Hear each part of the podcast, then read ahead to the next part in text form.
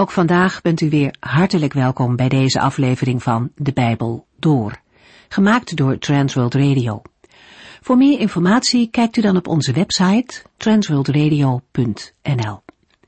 In deze serie gaat u in vijf jaar tijd met ons de Bijbel door, van Genesis 1 tot en met het laatste vers in Openbaring 22. We zijn bezig in de geschiedenis van Daniel. In de vorige uitzendingen lazen we dat Nebukadnessar een bijzondere droom heeft gehad over de toekomst. Als niemand hem de betekenis daarvan kan uitleggen, wil de koning alle geleerden ombrengen. Die nacht maakt God Daniel zowel de droom als de betekenis ervan duidelijk. Maar voordat hij daarmee naar de koning toegaat, buigt Daniel voor de koning van hemel en aarde en erkent dat alleen hij het wereldgebeuren in handen heeft. Niet die machtige Nebukadnessar, maar de Heere regeert. Ook als hij voor de koning staat, is Daniel een getuige van zijn God. Het is goed om te bedenken dat Daniels leven in groot gevaar was. Het geduld van de koning was op. Op zijn vraag of Daniel hem de droom en de uitleg kan geven, antwoordt Daniel, net als eerder de geleerde uit Babel, dat geen mens dat kan. Daniel voegt er echter een maar aan toe. Maar er is een God in de hemel die geheimen openbaart.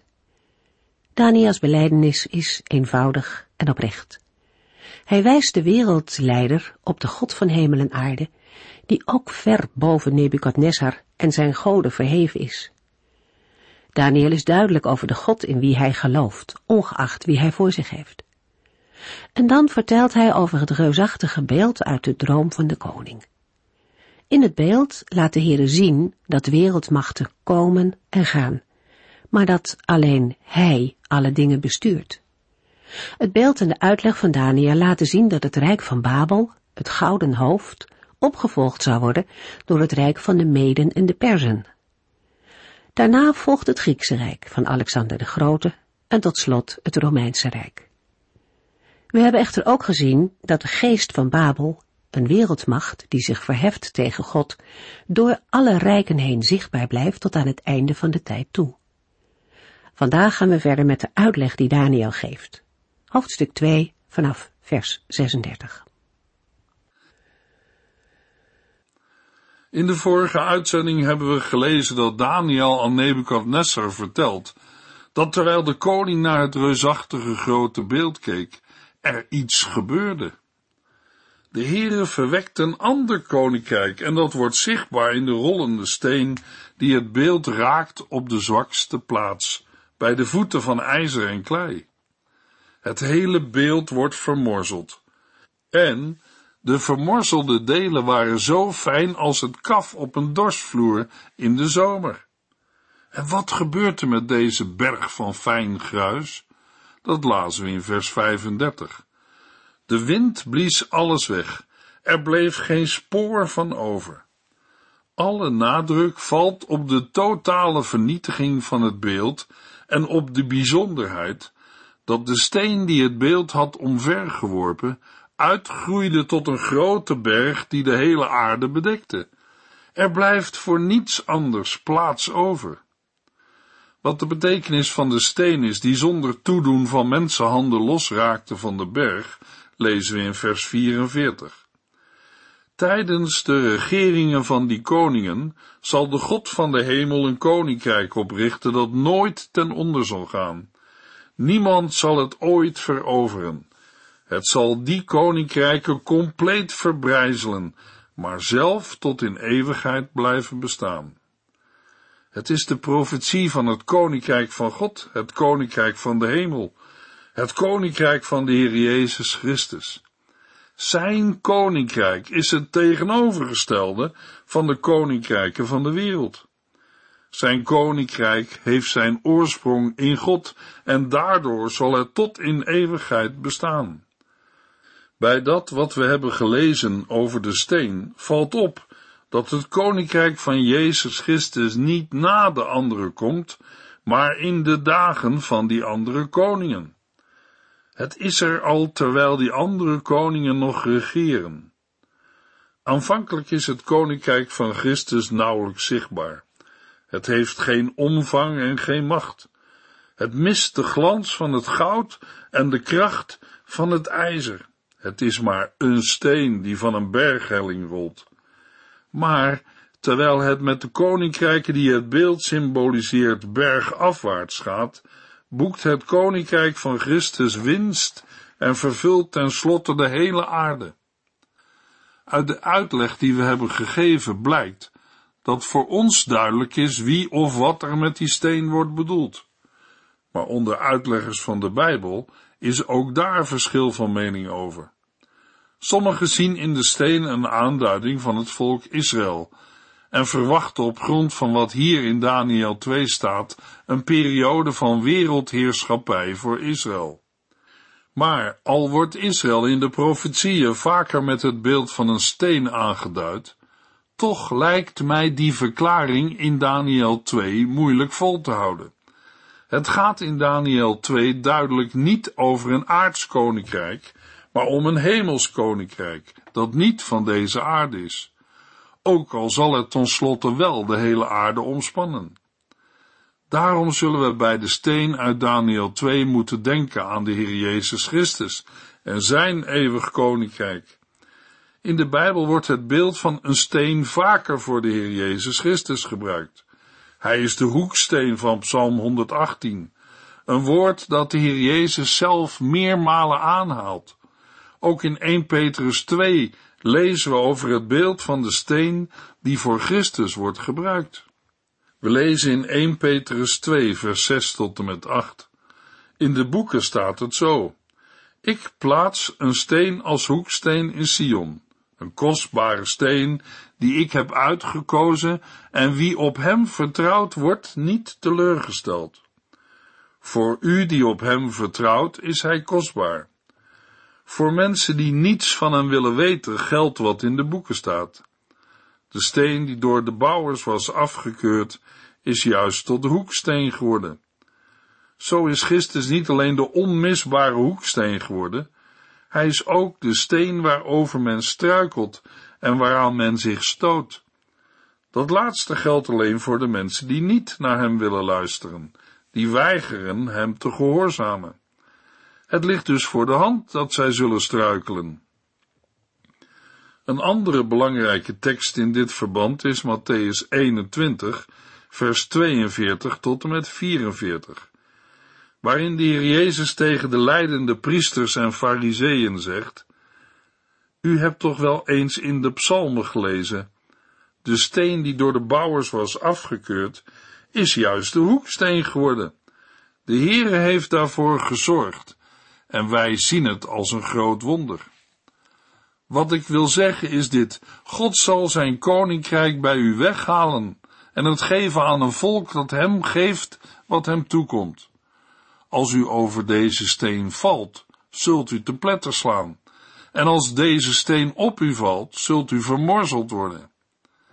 In Matthäus 21, vers 44 lijkt de Heer Jezus zelf te verwijzen naar Daniel 2, vers 34, als hij zegt, als u over deze steen valt, zult u te pletter slaan, en als deze steen op u valt, zult u vermorzeld worden. Ja, in eerste instantie lijkt het niet veel te worden met Gods koninkrijk. De bedoelde koning wordt geboren ten tijde van keizer Augustus. Als het ijzeren rijk van Rome op het toppunt van zijn macht staat en Rome de eeuwige stad wordt genoemd, dan is het Babel van Nebukadnessar al lang vergeten. Maar typerend voor al die wereldheersers is nu eenmaal dat ze denken dat hun koninkrijk het eeuwige rijk zal zijn. Maar, om een voorbeeld te noemen, keizer Augustus weet niets af van het bestaan van koning Jezus. Het koninkrijk van Jezus zoekt zijn weg door de wereld en het wordt groter en groter. Het vestigt zijn heerschappij niet door kracht, geweld of list.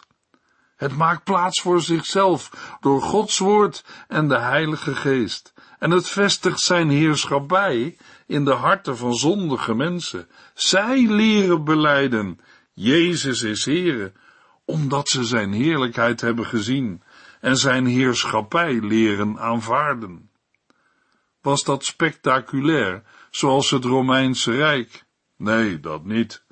Het lijkt meer op het zaaien van een graankorrel op een akker. Eerst zie je helemaal niets en soms denk je, wordt het nog wat? Nee, het is niet spectaculair. Is het dan oogverblindend, zoals het goud van Nebuchadnezzar? Nee, dat ook niet. Want Gods koninkrijk komt niet met uiterlijk vertoon, met pracht en praal. Moet je er als mens dan bang van worden? Is het huiveringwekkend en angstaanjagend? Ook niet. Mensen kunnen er de schouders over ophalen en er geen interesse in hebben. Ze kunnen eraan voorbij gaan zonder dat ze ervan gaan dromen of nachtmerries van krijgen. De wereld kan er best mee spotten zonder dat er wordt ingegrepen. Tenminste, dat denken veel mensen. Maar dat is schijn. En de onderdanen? Wie zijn de burgers in het koninkrijk van Christus? Paulus schrijft daarover aan de Corinthiërs in 1 Corinthiërs 1 vers 25 tot en met 28. Want het dwaze van God is wijzer dan wat mensen kunnen bedenken. En het zwakke van God heeft meer kracht dan de mensen. Kijk maar eens naar uzelf, vrienden.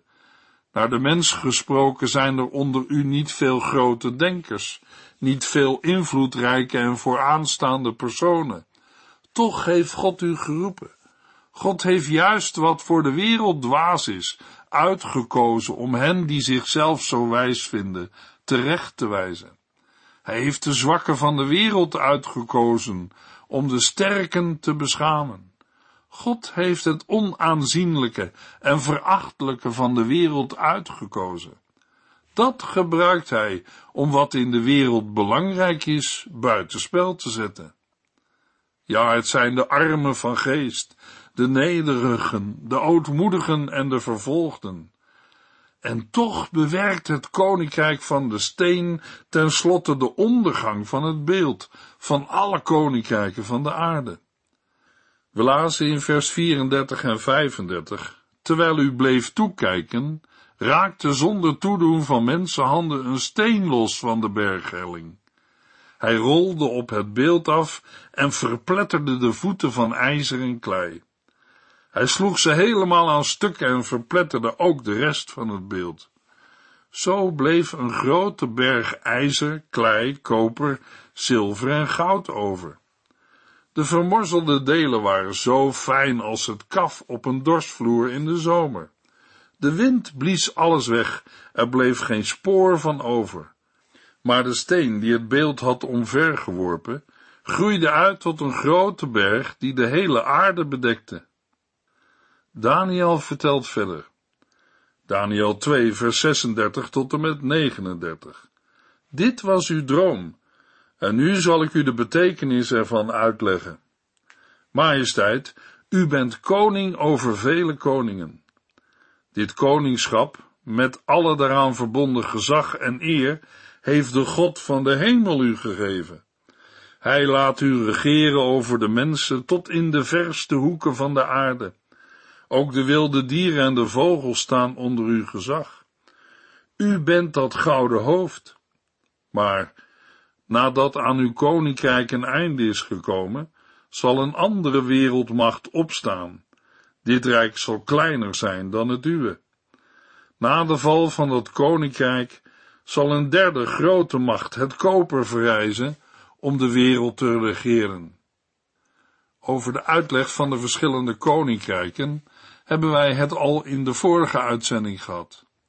Nu wil ik nog wat verder gaan op de steen als het rijk van Christus. Vers 34 laat zien wat er met het grote beeld gebeurt als het door de steen wordt geraakt. Het koninkrijk van Christus vernietigt de koninkrijken van de wereld. Babel gaat te gronden en Jeruzalem staat op. Dat gebeurt niet onmiddellijk als de steen losraakt van de berghelling, al wordt er wel onmiddellijk van gezongen door Maria in haar lofzang in Lucas 1. In Lucas 1 vers 49 tot 55 horen we Maria zeggen, ik ben bevoorrecht, want de machtige, heilige God heeft grote dingen voor mij gedaan. Hij is altijd goed voor mensen die ontzag voor hem hebben. Hij heeft laten zien hoe groot en machtig hij is.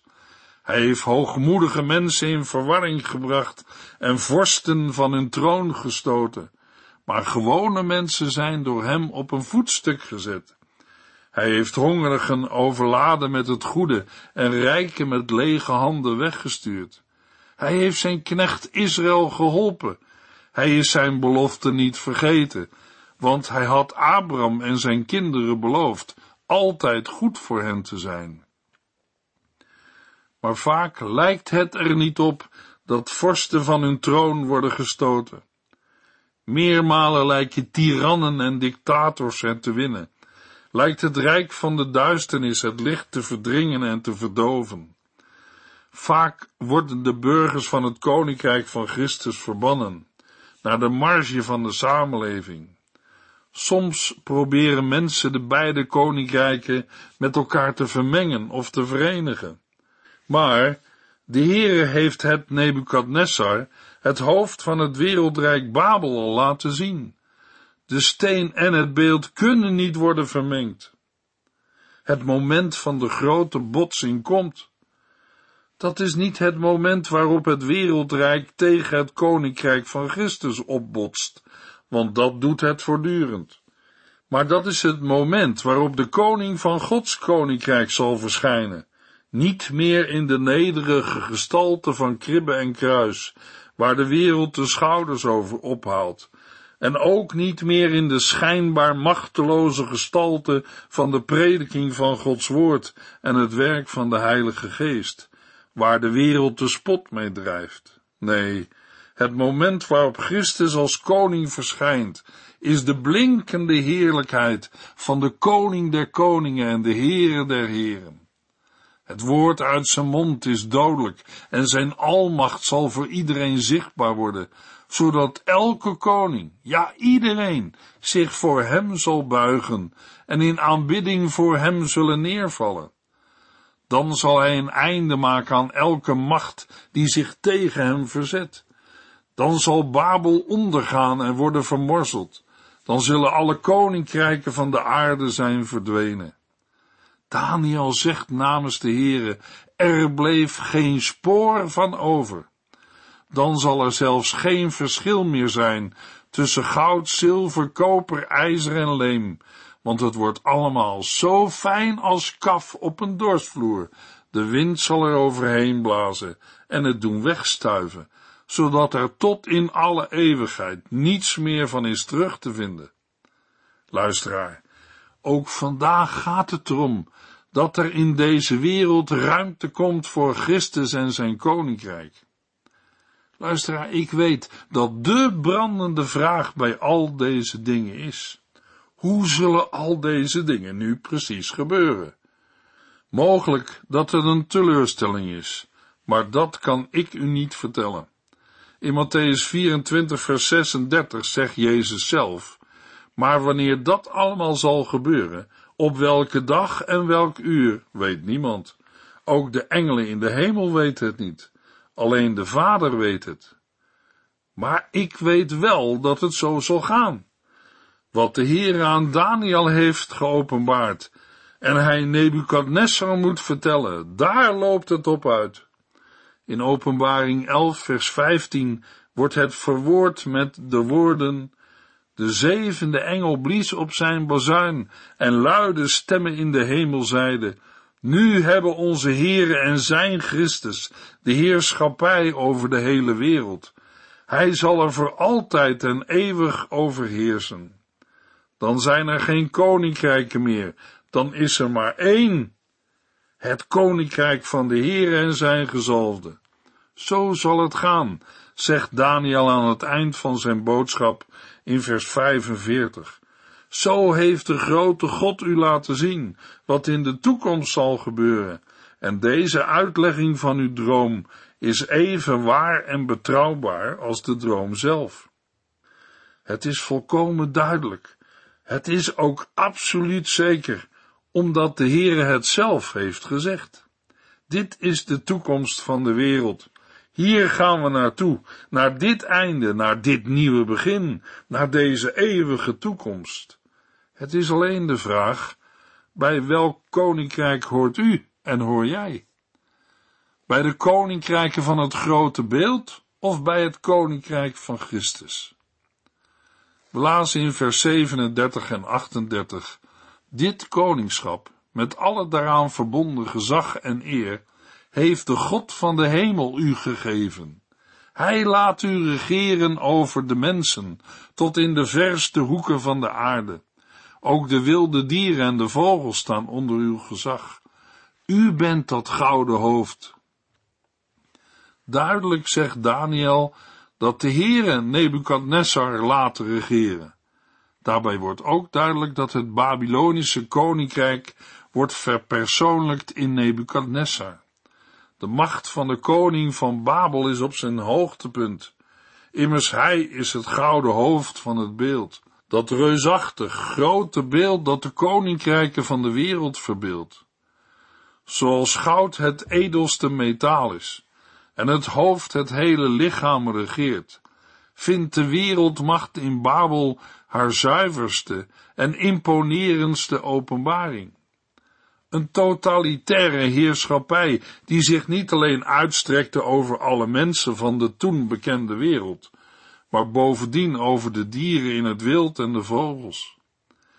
In de Bijbel komen we Babel vaker tegen als alles beheersende wereldmacht.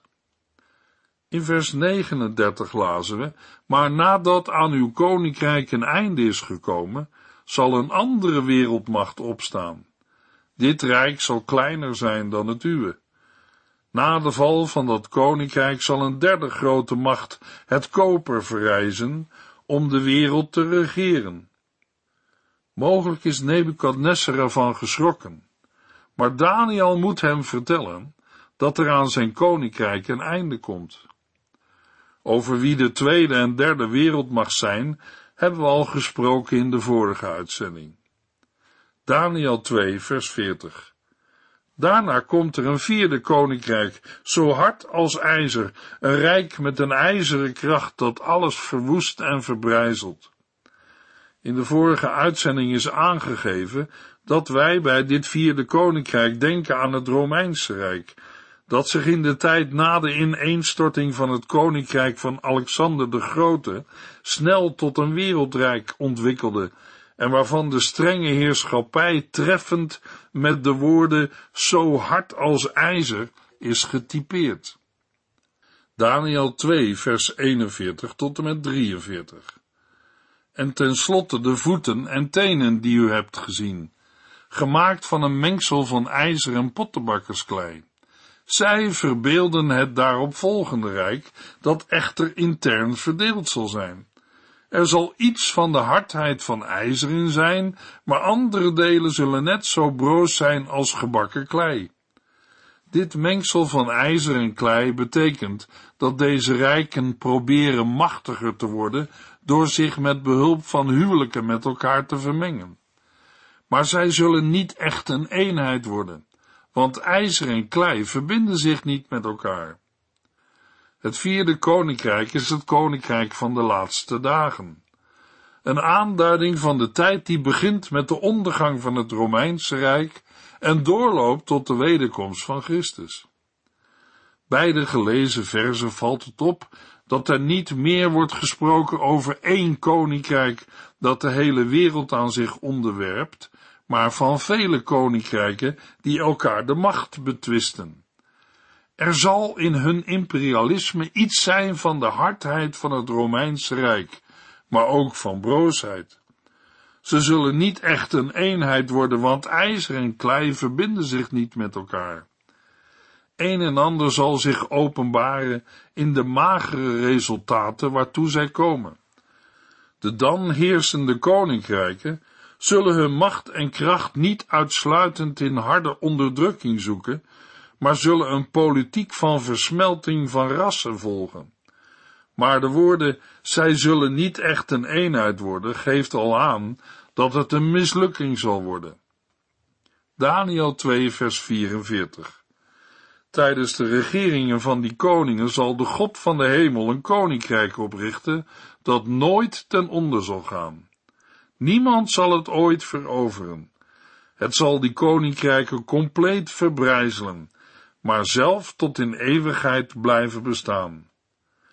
We zagen al eerder dat de steen van de berg een teken was van Gods koninkrijk.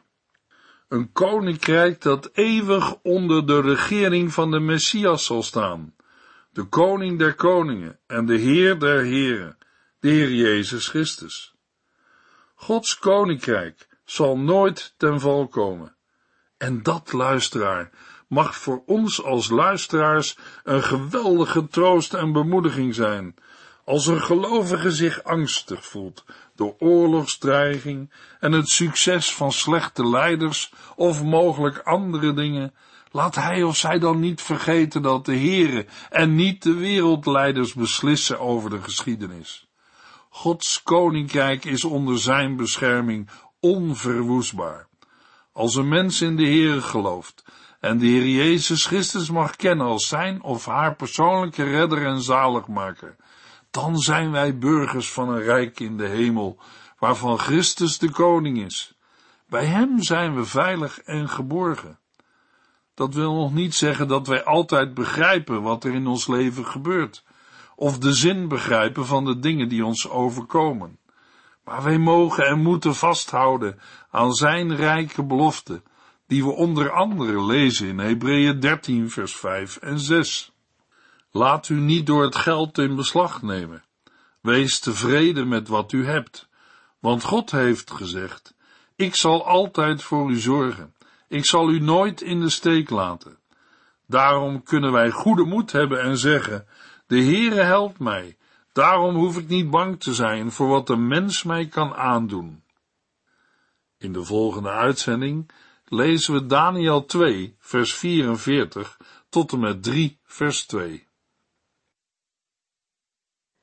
U heeft geluisterd naar De Bijbel Door, in het Nederlands vertaald en bewerkt door Transworld Radio. Een programma waarin we in vijf jaar tijd de hele Bijbel doorgaan. Als u wilt reageren op deze uitzending of u heeft vragen, dan kunt u contact met ons opnemen. Tijdens kantooruren kunt u bellen op 0342 47 8432 0342 47 8432 32.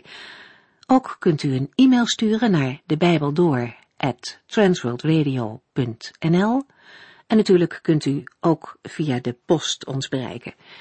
TWR, postbus 371, postcode 3770, AJ in Barneveld.